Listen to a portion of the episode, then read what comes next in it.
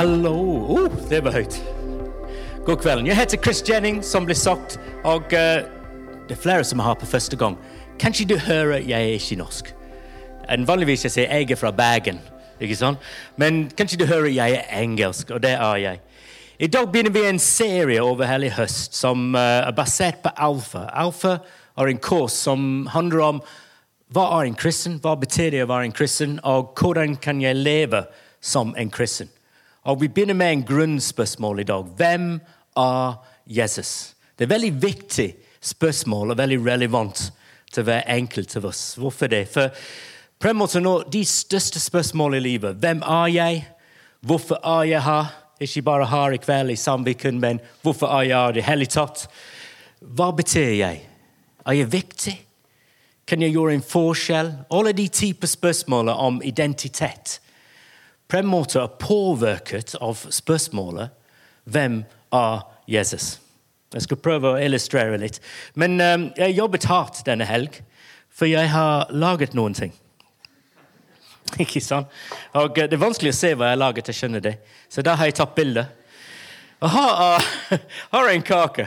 Og jeg, uh, nei, jeg må ikke si noe. Jeg skulle ikke sagt at jeg lagde det heller, for det ødelegger historien. Men jeg kunne ikke ta det tilbake, så det går bra. Har en kake. Hvis du, hvis du ville finne ut noen ting om den kaka Vi kunne fått noen som er en forsker, og de kunne brukt til vitenskap og finne ut hva er ingredienser i den kaken. Egentlig den bildet ser litt bedre ut enn den ser ut. Jeg vet ikke om du kan se det. Ser ikke så bra ut. ikke sant? Men hva er ingredienser? Eller det kunne, det kunne litt forskning og fant ut nå var den laget. Ikke sant? Var det, var det i går, for eksempel? Var det 2020? 2019? Jeg vet ikke. ikke sant? De kunne fant den ut. Og de kunne fant ut hvordan det ble laget. Prosesser inni å lage det. Hvordan de begynte med de ingrediensene og kom ut med en kake som ser så flott ut. Now, hva det kan ikke svare om, hvem har laget det, og hvorfor. For det er egentlig ikke en vitenskapelig spørsmål. Og Hvis du skulle gjette i dag hvem har laget det, da har du svaret allerede. Jeg har laget det. Og jeg må innrømme det er bare den andre kaka jeg har laget i livet. Uh, jeg, laget, elsker å lage mat. Pizza, lasagne, kake. Jeg liker ikke kake. Hva er feil med meg? Ikke svare. Ikke sant? Men uh, det, er bare, det, er bare, jeg som vet hvem lager det, for det var meg. Og det er bare jeg vet hvorfor det er laget. Når du kan gjette. Kanskje du tenker han har laget den kaka fordi at noen kan spise det. Tror du det? Hvis du prøvde den kaka, du tenker nei, det er ikke rett heller. Ikke sant? Jeg lager den kaka så jeg kunne ha en illustrasjon i kveld. Og eh, det, Hvorfor det? For det er viktig det er viktig å skjønne. ikke sånn? Det er bare den som har laget det og skapt det, som kan si hvem den er, hvem, hvem har laget det, og hvorfor det er laget. Og Det er samme med oss som mennesker. De spørsmålene om livet hvem er jeg, og hvorfor er jeg her? Det er bare Gud som kan fortelle oss. Hvis svaret om hvem Jesus er, er han er hvem han sier han er. Og Det er det vi skal tenke på. Er Jesus hvem han sier han er. Men kanskje du sitter her i kveld og tenker jeg vet ikke hva Jesus har sagt om seg selv. Så da skal vi undersøke litt. Det er noen som sa til meg da jeg var yngre, at uh, ja, Jesus han eksisterte ikke. Han, uh, det er noen tusen år siden som bare tenkte vi kjeder oss her i Europa, så vi skal lage opp en historie. Og det blir fint hvis det er en mann som heter Jesus. Og jeg tenkte Han kunne laget en bedre historie enn det, men sånn er det. Men hvordan vet vi at Jesus var ikke en historie som ble laget 1000 år siden? Ikke sant? Nei, I dag er vi heldige, for vi har noen ting som heter Wikipedia. Amen? Woo! Så du kan finne ut ting selv. Okay? Og det er masse bevis, historiske bevis om at Jesus eksisterte 2000 år siden. Du trenger ikke å stole på meg. Du kan gå på Internett og finne ut selv. Det, det var folk som hatet kristne. Mange. Og skrev ting om kristne, om Jesus, som var ikke veldig positive. Men heldigvis, pga. det jeg skrev det, vet vi at Jesus eksisterte 2000 år siden. Her er en bak meg. Han heter Tacitus. Han var den største romerske historikeren på den tid. Når han skrev om folk som var keiser på de dagene, og en var heter Nero. Har noen hørt om keiser Nero? Noen har. Veldig bra. Det var lenge siden. jeg skjønner det. 2000 år siden. Når Nero han var litt gal. Han gjorde crazy stuff. Og En av de tingene han gjorde i Roma i Italia, han brente ned en god del av byene. Han var keiseren, så han tenkte hvorfor ikke? Det skjedde meg en dag. La oss bare brenne alt ned. Og eh, etterpå uh, skjønte det var ikke så, uh, ja, det var ikke så positivt. Så han måtte finne en måte at det ble OK at han har brent ned så mye. Så han fant ut at kristne var i byen, og det var en liten gruppe. Og folk likte de ikke. Så han sa det var de som hadde brent ting ned. Og da gikk det bra for keiseren Nero. Og når Tacitus skrev om det, han skrev om de første kristne som var i Roma, og det er rundt ti-tolv år etter Jesus død. Og han skrev Kristus, han snakker om de folk. Kristus, fra hvem de fikk sitt navn, hadde blitt henrettet ved døm av prokurator Pontius Pilatus da Tiberius var keiser. Så hvorfor er den viktig? For det bevis at Jesus eksisterte, og at han ble henrettet, og av hvem, og hvorfor. Så det er ikke bare bevis fra de folk som skjønte Jesus, som vi har, men det er bevis fra folk som ikke likte kristne, eller brydde seg ikke om Jesus. Så du er ikke dum å sitte her i dag og tenke at Jesus eksisterte, for vi har historiske bevis. Og å tro på Gud, å tro på Jesus, det er ikke som en steg i blinde. Det er egentlig tro som er basert på historiske bevis også. Ja, så hvem er Jesus? Jesus eksisterte, men var han bare en mann? Av og til Folk har et bilde av Jesus. Han var nesten som en uh, hippie. Jeg vet ikke hva en hippie er på norsk. Hva er en hippie på norsk? Det er veldig bra. ikke sant? Han har blomster i håret og svever rundt på gulvet. Og han har en lys bak hodet som skinner hele tiden. Men hvem var Jesus? Han var, han var en mann. Det er ingen tvil om det. De som var med Jesus, skjønte det.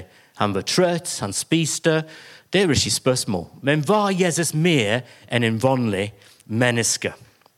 Og var han en, en flink lærer som var flink i etikk? Og noen tenkte kanskje han var en profet. Men hva egentlig sa Jesus om seg selv, og hadde han rett? Det er de to spørsmål vi skal tenke på. Hva sa Jesus om seg selv?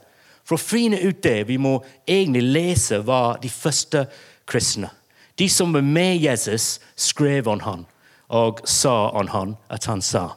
Så her begynner vi. Oss si. Det er bra. Nå, det første ting du, du, må skjønne når du leser Bibelen, når du leser de fire evangeliene, Matteus, Lukas, Markus og Johannes, er når Jesus begynte å undervise, han gjorde noen ting som er veldig unikt. For Hvis du ser på religiøse ledere eller folk som de tenkte var en profet, hva sa de? De, de begynte å si ting og peke på Gud. Gud er da. Men når Jesus begynte å snakke om Gud, han pekte på seg selv. Og det er veldig unikt. Du finner ikke andre folk som sier det hvis du studerer Mohammed eller Buddha. De peker ikke på seg selv. Men Jesus pekte på seg selv, og han begynte å si ting om seg selv for å hjelpe oss å forstå at han er Gud. Han sa 'Jeg og Faderen er ett'. Det er i uh, Johannes 10, 30 bak meg. Tenk på det. Jeg og Faderen er ett. Når folk hørte det, det var ikke som oss i kveld, som tenker hva betyr det? Da de hørte det, de skjønte hva han mente. For det er bare Gud som er ett. Og Gud som er Gud. Og Når Jesus sa det, han begynner å si ja, Gud er én, men jeg og Faderen er ett. Og det provoserte de. Han gikk videre når han snakket med disiplene og de spurte om Gud. Han sa hvis du har sett meg, du har sett Faren.' Det er Johannes 14, 9. Hvis du har sett meg, du har sett Faren. Tenk hvis en vanlig menneske sa det. Sa det til deg. Ja, hvis du har sett meg, Chris Jennings, du har sett Gud. Ikke sant? Du ville tenkt jeg var litt crazy. Og du har rett. Ikke sant? Amen. Preach it, brother. Ja, Tenk at Jesus sa det. Han begynner å fortelle om seg selv at han er mer enn en menneske. Ok, Vi kan høre om andre ting han sa. Han sa 'Jeg er livets brød'. Den som kommer til meg, skal ikke hungre, og den som tror på meg, skal aldri tørste. Så Jesus sa, tenk på de største behovene du har. Ikke sånn? Hva behov har vi som mennesker? Vi har et behov fred, som uh, psykologen. Han sa at vi har behov å bli elsket. Og jeg tenker, jeg tenker det er sant. Er det? er det noen som har ikke behov å bli elsket? Det er bra. Vi skjønner dypt i oss. Vi trenger at noen elsker oss. Og Kanskje et menneske elsker oss, er ikke nok. Vi egentlig lengter etter mer. Carl Jung han er psykolog også. Han snakket om som mennesker trenger vi trygghet. Og Adler, en annen psykolog, sa at som mennesker trenger vi å bete noen ting. Og Jesus egentlig sa til de mennesker rundt ham, 'Jeg er livets brød'. Og Hvis du tenkte det hørtes ikke så gøy ut, kanskje han ville sagt til deg 'Jeg er livets pizza'. Eller 'Jeg er livets wrap og taco'. Amen? Han prøver å si til dem den du hungrer etter mest. At du tenker det må være mer enn dette i livet. Han sier, 'Ja, det er meg. Jeg er livets brød.' Hvis du kommer til meg, skal du hungre ikke. Og den som tror på meg, skal aldri tøste. Han sa, Johannes 14, vers 6 Jeg er veien, sannheten og livet. Ingen kommer til Faderen uten ved meg. Jeg håper du begynner å høre når du hører hva Jesus sier. Vi kan ikke si at Jesus var bare en mann. Eller han tenkte han var bare en mann. Men han sier han er Gud er ett. Hvis du har sett han, du har sett Gud. Han er det eneste vei til Gud. Og Hvis du vil virkelig finne ut sannheten i livet, det er å skjønne meg, sier Jesus. For jeg er sannheten, veien og livet. Når vi begynner å se på Jesus, hva han sa, kanskje vi leser ting, og du leser det og tenker ja, so what? For Jesus gikk rundt og han sa til noen dine synder er tilgitt. Da jeg først leste det, jeg tenkte det hørtes selvfølgelig ut. ikke sant? Det er en ting Jesus ville sagt. Men når du leser de tekstene, de folk som var der, de var sjokkert. Woo! De var provosert. Hvorfor? På grunn av at det var bare Gud som kunne tilgi folks synder. Så når han sa det, de skjønte Jesus sier indirekte at han er Gud. Det er ikke bare det.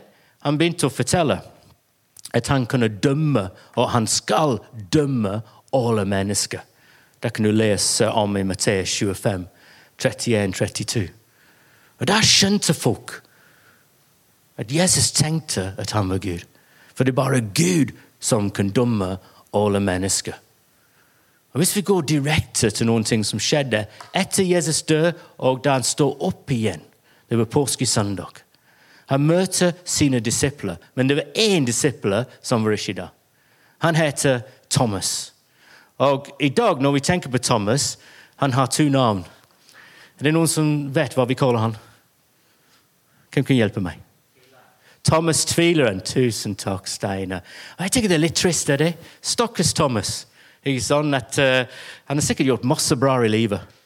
Og det, Når du hører på Thomas, du tenker Thomas tviler hun, ikke sånn? Jeg tenker litt trist det. Hvis jeg, hvis jeg dør i kveld på scenen Håper ikke. og uh, de kom til min begravelse. De sier 'Velkommen, uh, herre Chris Tvileren'. Det ble litt trist. er Det Det ble hva du husker om meg. Så jeg føler litt uh, synd på Thomas. Men sannheten han fått de beste jobb noen kristne har fått. For da han møtte Jesus en uke etter Jesus har stått opp fra de døde, han fått lov å ta på Jesus. Og da han tatt på Jesus, han sa til Jesus, 'Du er min Herre og min Gud'. Ingen av de disipler hadde sagt noen ting som var så bra og så kort. Og Det er fantastisk å høre, for han, han skjønte at Jesus var mer enn bare en menneske. Nå, Hvis Jesus var bare et menneske, han skulle sagt der og da Thomas, du heter ikke tvileren lenger, du heter dum. Thomas the dummest. Ikke sant? For du tar helt feil.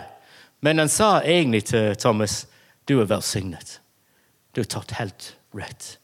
Og Tenk på det, at Thomas fått lov å gjøre det, og han ble kalt Thomas Tvileren. Sånn er det. Kan ikke forandre historie. Men også hva kommer ut av at Jesus tatt imot tilbedelse. At han tilgir folk, at han skal være dommer, og han tar imot tilbedelse, sier bare én ting. Det sier at Jesus tenkte selv han er Gud. Men her kommer vi til det. Hvis du, hvis du tar hva Jesus har sagt, du bare tre valg. Vi kan ikke sitte her i kveld og late som Jesus var en god menneske eller han var en flink lærer. Det spiller ingen rolle. For Jesus var veldig svart og hvit da han sa ting om seg selv. Han sa, 'Tro på meg, du får evig liv'. Tar imot meg, du tar imot min far. Sier Jesus, du blir avvist av Gud. Jeg er det eneste vei til Gud. Så vi har bare tre valg når det kommer til Gud.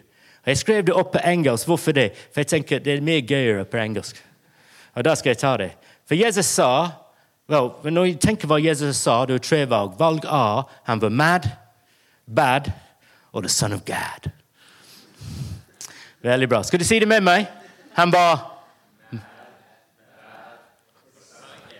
Veldig bra. Nå, hvis du sitter og tenker ja, engelsk er ikke min uh, morsmål, så jeg må høre det på norsk. Her er det gal ånd eller Guds sønn. Det er ikke så gøy, er det? Vi bare innrømmer det. Sånn er livet. Men hvilken er han? Var han rett i at han er Gud selv? Og hvordan skal vi finne det ut? Er det bare en trosspørsmål? Eller er det noen historiske bevis vi kan se på? Og hva Jeg skal gjøre, jeg skal tenke på fem ting veldig kjapt om um, hvorfor, well, hva vi kan tenke gjennom den spørsmål. Så her er nummer én. Hvis vi tar Jesus' undervisning ok, Han sa masse interessante ting og utfordrende ting. Og Hvis vi tar det det var, well, når vi tenker, Noen har sagt Jesus' lære er fundamentet for hele den vestlige sivilisasjonen. Jeg tenker Kanskje vi ikke tenker på det, men Europa og Amerika Masse ting vi har i kultur og loven, er egentlig basert på hva Jesus sa og lærte. 2000 år etter han var her på jorden. Og Da må du stille spørsmål hvorfor det? Hvorfor var det så viktig til folk før hva Jesus lærte eller sa? Og tenkte de at Jesus var gal? eller ånd? Og svaret er de tenkte ikke nok at de vil ikke bruke hva han sa. Kanskje vi ikke skjønner det, men en stor påvirkning for historie i Europa og Amerika. Oh, fall B. There we go. Nummer to, hans gjerninger. Jeg, jeg, har noen nye testamenter med meg. Hvis du har lyst, jeg skal la det ligge ute i vestebilen. Og du kan ha Uh, en av Johannes. Du kan ha det gratis. Hvorfor sier jeg det? For jeg har lyst til at du skal lese det. For Hvis du tenker hva han har gjort, og hvordan Jesus var Han gikk rundt og gjorde ting. Og stiller spørsmål var han, var, var han gal. Var han ånd? Jeg tenker, For meg Jesus er min helt. Hvorfor det? Ikke bare pga. hva han gjorde, men hvordan han gjorde det. Så jeg tenker på den tredje ting hans karakter. For hvordan var Jesus? Sånn? Jesus var ikke som meg, og det er bra. For Jesus brydde seg ikke om hva andre mennesker tenkte på ham. Han var ikke opptatt av hans rykte. For de var veldig opptatt av veldig viktig hvem du blander seg med, og hva folk tenker på deg. Og Jesus sa drit i det. Han hadde medfølelse for folk andre ville ikke være med. Han brukte mer tid med de som var utenfor. Han var med alle slags mennesker. Og med alle mennesker han var nådefull og viste kjærlighet. Som jeg sier, han var ikke som meg. Jesus er en superhelt når du leser han. Jeg anbefaler lese det i evangeliet. Se hvordan Jesus var med alle slags mennesker. Og når det var mest vanskelig for Jesus, hvordan var Jesus? Og Jesus ble korsfestet langfredag, og vi feirer det hvert år. Og der var på korset det var folk rundt han. De som hadde torturert han, de som hadde korsfestet han. Hva sa Jesus til de? Så må du sette seg inn i den dagen, og hvor forferdelig det var. For Jesus kunne sagt hva som helst til de som hadde gjort så mye vondt til han. Når han så på de, han sa, 'Far, tilgi de, for de vet ikke hva de gjorde.' Tenk på det. Sånn er Jesus. Hvis Chris Jennings hadde vært der, jeg, hva ville jeg sagt? Ikke sant? Jeg er noen andre helter i livet. En er Arnold Schwarzenegger. Kanskje du har hørt om han? Han heter Arnold Schwarzenegger Terminator. Å sitere Arnold Schwarzenegger, hva jeg ville sagt, var I'll be back. Det er det jeg ville sagt til dem. At en dag du skal møte meg ansikt til ansikt, og jeg skal ta dere alle.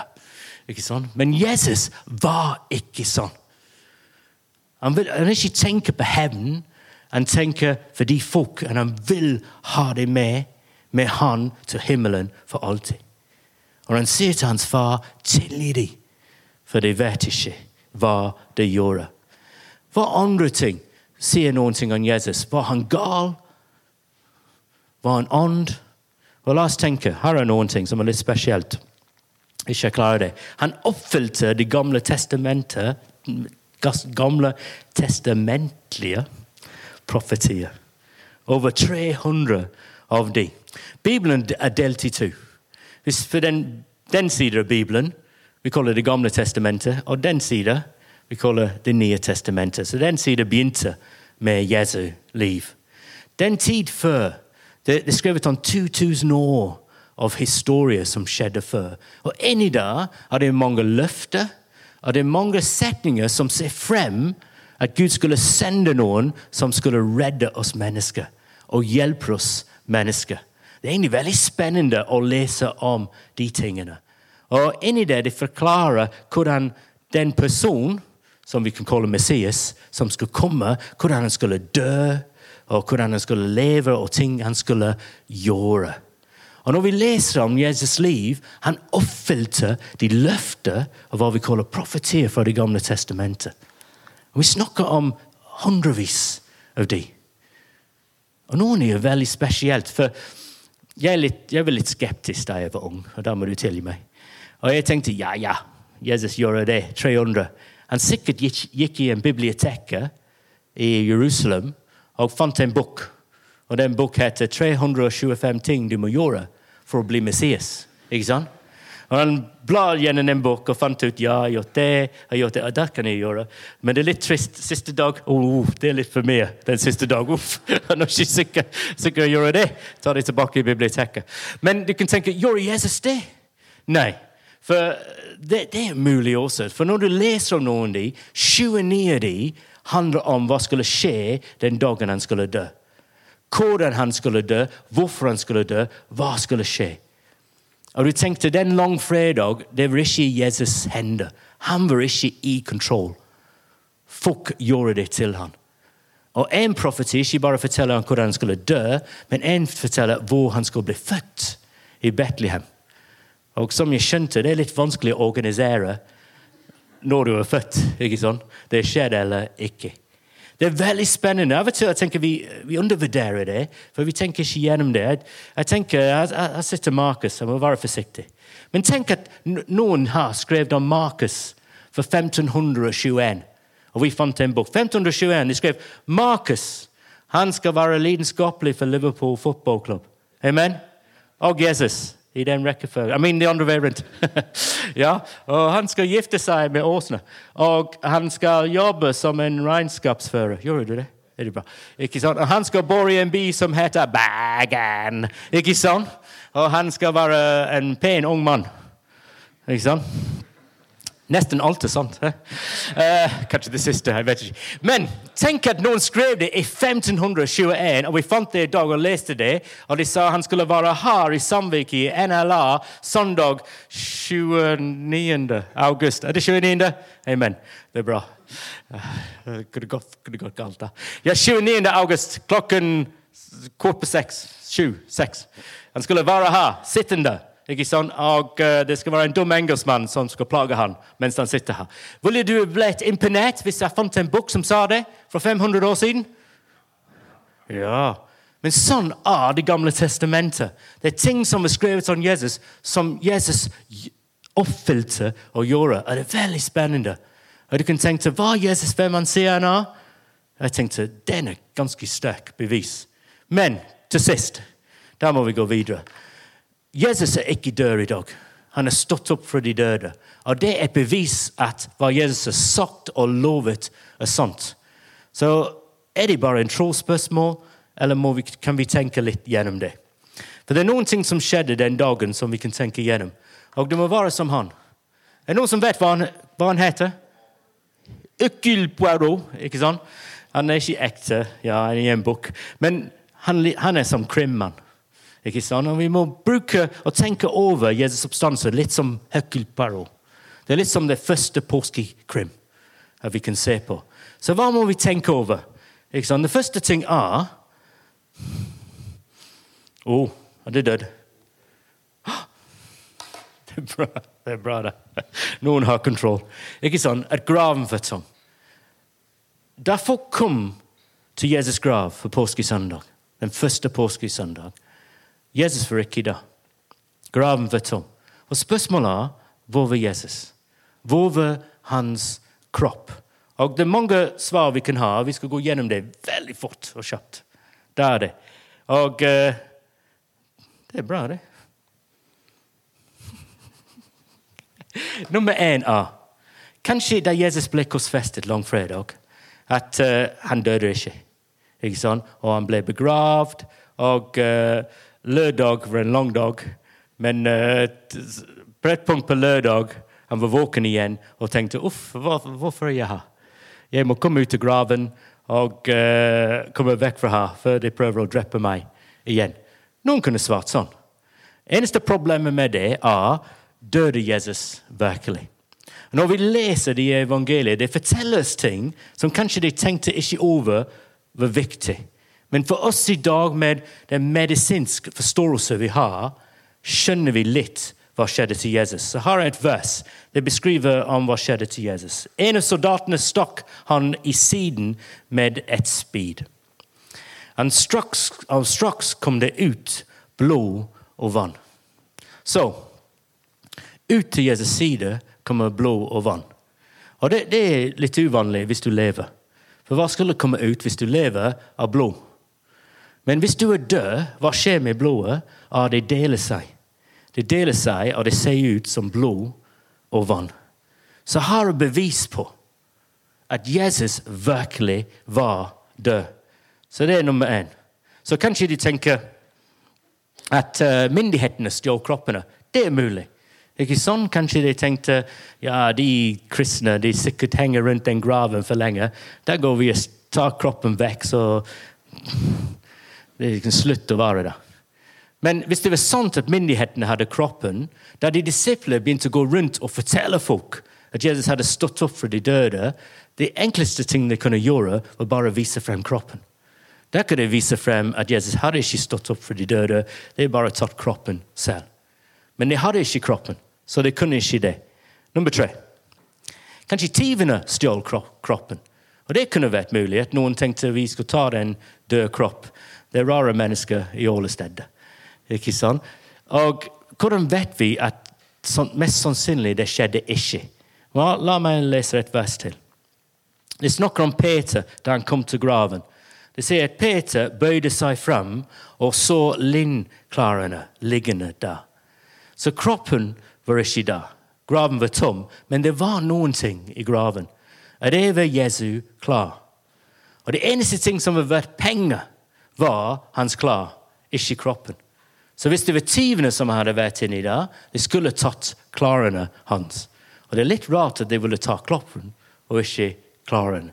Så da kommer vi til det siste. Disiplene stjal kroppene. Og Kanskje det er det mest sannsynlige hvis noen hadde gjort det. Men du må se på disiplene selv og tenke ut hva er mest sannsynlig. For de disiplene var dritredde den dagen Jesus ble korsfestet og det gjemte seg. Og på en måte, som mennesker, de var ikke frimodige. De hadde ikke lyst til å gå ut og ikke overrasket. Jesus ble drept, og de kanskje tenkte neste skal vi bli drept. Men etter, etter de har møtt Jesus og begynt å skjønne den virkeligheten at Jesus var ikke død, men hadde stått opp igjen og hadde personlige opplevelser av det, vi ser at deres liv forandret seg at de var de samme folk som noen uker etterpå ble torturert selv, ble fengslet for Jesus, og noen av de til slutt ble henrettet. Og Da må du begynne å stille spørsmål. Hvis det var bare et løgn at de hadde stjålet kroppen selv, ville de dø for Jesus? Vi ser en enorm forandring i deres liv.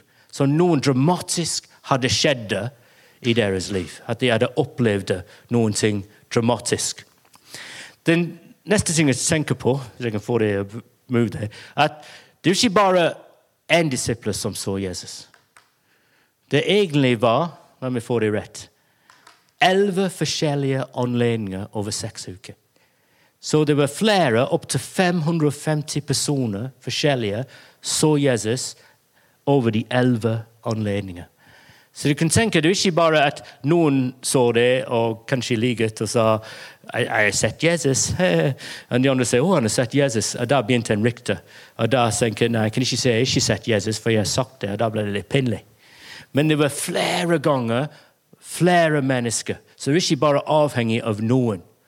Men det var flere som sa de hadde møtt Jesus, noen hadde spist med han og uh, brukte tid og tatt på han og skjønte han virkelig. Så de, de tingene kommer sammen, ikke sant? for vi må svare dette spørsmålet. Jesus' kropp var ikke i graven. Og hvem, er hans kropp hvis det ikke er sånn at han har stått opp for de døde? Når du begynner å se på bevisene, da kan du begynne å være det sammen og se hvordan livene til de disiplene forandrer seg. Og begynne å høre på de historier at de sa at de hadde møtt Jesus, og han hadde virkelig stått opp fra de døde. Og det var veldig unikt, den hele situasjonen med de disiplene. For da, da det var en sånn politisk bevegelse i Jesu dager, det var veldig enkelt å stoppe det. Så det skjedde før Jesus med flere religiøse ledere som prøvde å begynne en som opprør, eller prøvde å få folk med uh, mot myndighetene. Og Hva myndighetene gjorde, var eksakt sammen som de gjorde med Jesus. Hvis du dreper lederen, du dreper bevegelse. De drepte lederen, Jesus. Men drepte de bevegelsen? Nei. Historisk bevis er da den første menighet ble større og større og vokste og vokste. Og de prøvde å torturere mennesker, de prøvde å fengsle dem. Stoppet de de første menighetene? Nei. Vanligvis hva skjer, det bare stopper helt opp. Men hva skjedde, var helt unikt. At den første menighet vokste over hele uh, Middelhavet og stoppet ikke. Så Og det siste bevis på oppstandelse av mitt liv og mange millioners liv som har trodd på Jesus og opplevde Jesus i deres liv. Nå har jeg en bilde her. Det er en gammel mann i midten. Vet ikke hvem han er. Må slanke seg litt. Med, med to, to, flotte unge mennesker. Det er mine barn. Peter og Marie. Og du kan spørre oss. Eller hvis du sitter her og tenker ja, er Jesus virkelig? Finner noen som tror på Jesus, og ikke være snill med dem, men stille spørsmål direkte til dem. Hvorfor tror du? Hva har du opplevd i livet? Sannheten om Jesus' oppstandelse ligger på bevis, historisk bevis, men det også ligger på at Jesus har forvandlet folks liv. Han har forvandlet mitt liv og gjort at mitt liv har mening, og jeg har håp han har tatt vekk uh, angst i mitt liv, som har hjulpet med det. Det er mange ting han har hjulpet meg med og forvandlet og gitt meg en helt nytt liv. Så bevis for Jesus' oppstandelse ligger i hva skjedde historisk med Jesus, men også i hans folk som tror på han. Det gikk to. Gå på tilbake. Nei, nei, nei. Stopp. Det er bra har en sitat. Det er fra professor Thomas Arnold. Han er en tidligere professor i moderne historie ved universitet i Oxford i England. Han har sagt jeg har gjennom mange år vært vant til å studere beretninger fra andre tider og å undersøke og vurdere bevisene for dem. Jeg skjønner ikke til noen annen faktum i menneskehetens historie som er bevist med bedre og mer utfyllende kjensgjerninger av alle slag, så langt en rettskaffens gransker kan forstå, enn det store tegn Gud gav oss da Kristus døde og står opp igjen fra de døde. Så han som ser på historiske beviser Han sier hvis du ser inn i detaljer rundt Jesus død, og ser på de manuskripter vi har, det er de største tegn du kan få. Jeg har lyst til å sitere en, en veldig glup mann. Han heter Alistair McGrath. Now, er det noen som har en uh, ph.d. her? En doktor, doktorgrad? Jeg bare spør. Kanskje det? Kunne vet. Ok, Han har tre. Red fingers. Han har tre doktorgrad. Kan du tenke på det? Det studerer hele livet. Han er én i teologi, én i molecular biofysikk, én i intellektuell historie. Og er professor med Oxford universitet i dag i vitenskap og religion. Og dette sier han om Jesus' liv. Vi er i stand til å vise at evangeliet om Jesus ikke bare er sant, men har en kapasitet til å forvandle liv på en sånn og meningsfull måte. Så når vi tenker på Jesus og hvem Jesus er, det er ikke bare at det er sant. Han er hvem han ser han er. Det er opp til dere å bestemme. Men når vi skjønner at han er det, begynner han å forvandle våre liv. For ting han sa, er helt utrolig. Hvis du tror på meg, får du evig liv, han sa. Begynner et liv med meg. Gjør meg til din Herre og Gud, og føle etter meg. Du er min for alltid. Siste sitat. Jeg liker krim, som du ganske som ser. Her er uh, Sherlock Holmes. Sherlock Holmes sa noen ting som er veldig bra i de bøkene.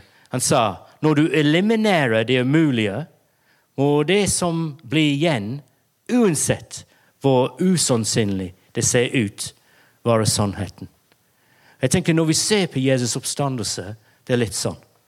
Kanskje når du bare hører på det, du tenkte du må tro på det eller ikke.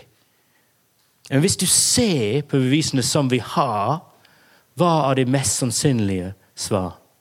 Og hvis Jesus har stått opp for de døde, da er han hvem han sier han er. Til slutt jeg har lyst til å gi deg en utfordring. Og å gjøre det kan, kan vi reise oss.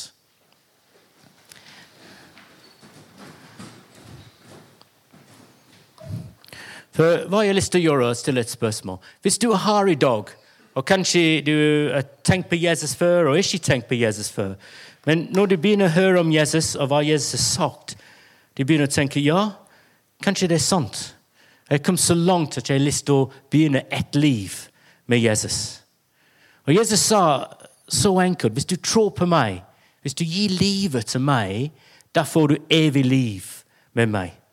Å være en kristen handler om at vi skjønner at Gud har skapt oss. At vi skjønner som mennesker er det en problem mellom oss og Gud. Og Problemet er egentlig at vi har valgt å være vår egen Gud istedenfor å ha Gud i våre liv. Og vi tenkte, Har jeg gjort det? Og vi er født sånn. Jeg var født sånn. Ikke sånn det er meg som bestemmer i mitt liv. Men konsekvensen at vi er vår egen Gud, er hva Bibelen kaller det synd. Og jeg kan innrømme det. Hvis du skjønte meg litt, som noen av dere skjønner Det tar ikke lenger før jeg sier noen ting som er dumt. Amen. Det tar ikke lenger, det tar litt lenger kanskje før jeg gjør noen ting som er dumt, men det kommer. Ikke sånn? Og jeg tenker masse ting som er dumt, så jeg er glad du skjønner ikke hva skjer jeg har oppi hodet. For det bare skjer minst hver dag. Og Hvis vi tenker på de tingene vi, Kanskje du ikke kom så langt, men tenker vi alle gjør ting som er feil. Og Det skapte en problem mellom oss og Gud. Han skapte oss for å skjønne han, men hva vi kaller synd, gjorde at vi er, vi er atskilt fra han. Men Gud elsket du og jeg så høyt, han ville ikke ha det sånn. Så han kom som Jesus. Vi feirer det hvert jul, at Gud ble en av oss. Han kom for å dø på et kors, som vi feirer hver langfredag. Hvorfor? For å betale den pris for våre synder. Og målet var så enkelt. Hvorfor vil han gjøre det? På grunn av at han vil så mye og ha oss med han for alltid. Han sa til hans disipler han går foran dem og forbereder et sted for dem i himmelen. Og han sier det til oss. Han sier hvis vi har lyst til å binde et liv med han og tro på han, da har vi evig liv med han. Men jeg innrømmer at vi velger selv. Når vi snakket om hvem er Jesus i kveld, er som vi har vært i en rettssal, og du er juryen. Og det er du som må bestemme over deg selv, ingen andre. Hvis du kan komme så langt og si jeg tror Jesus er hvem han sier ja, og jeg trenger han og vil være hans for alltid, den i kveld bare ta dette valget og begynne et nytt liv med han.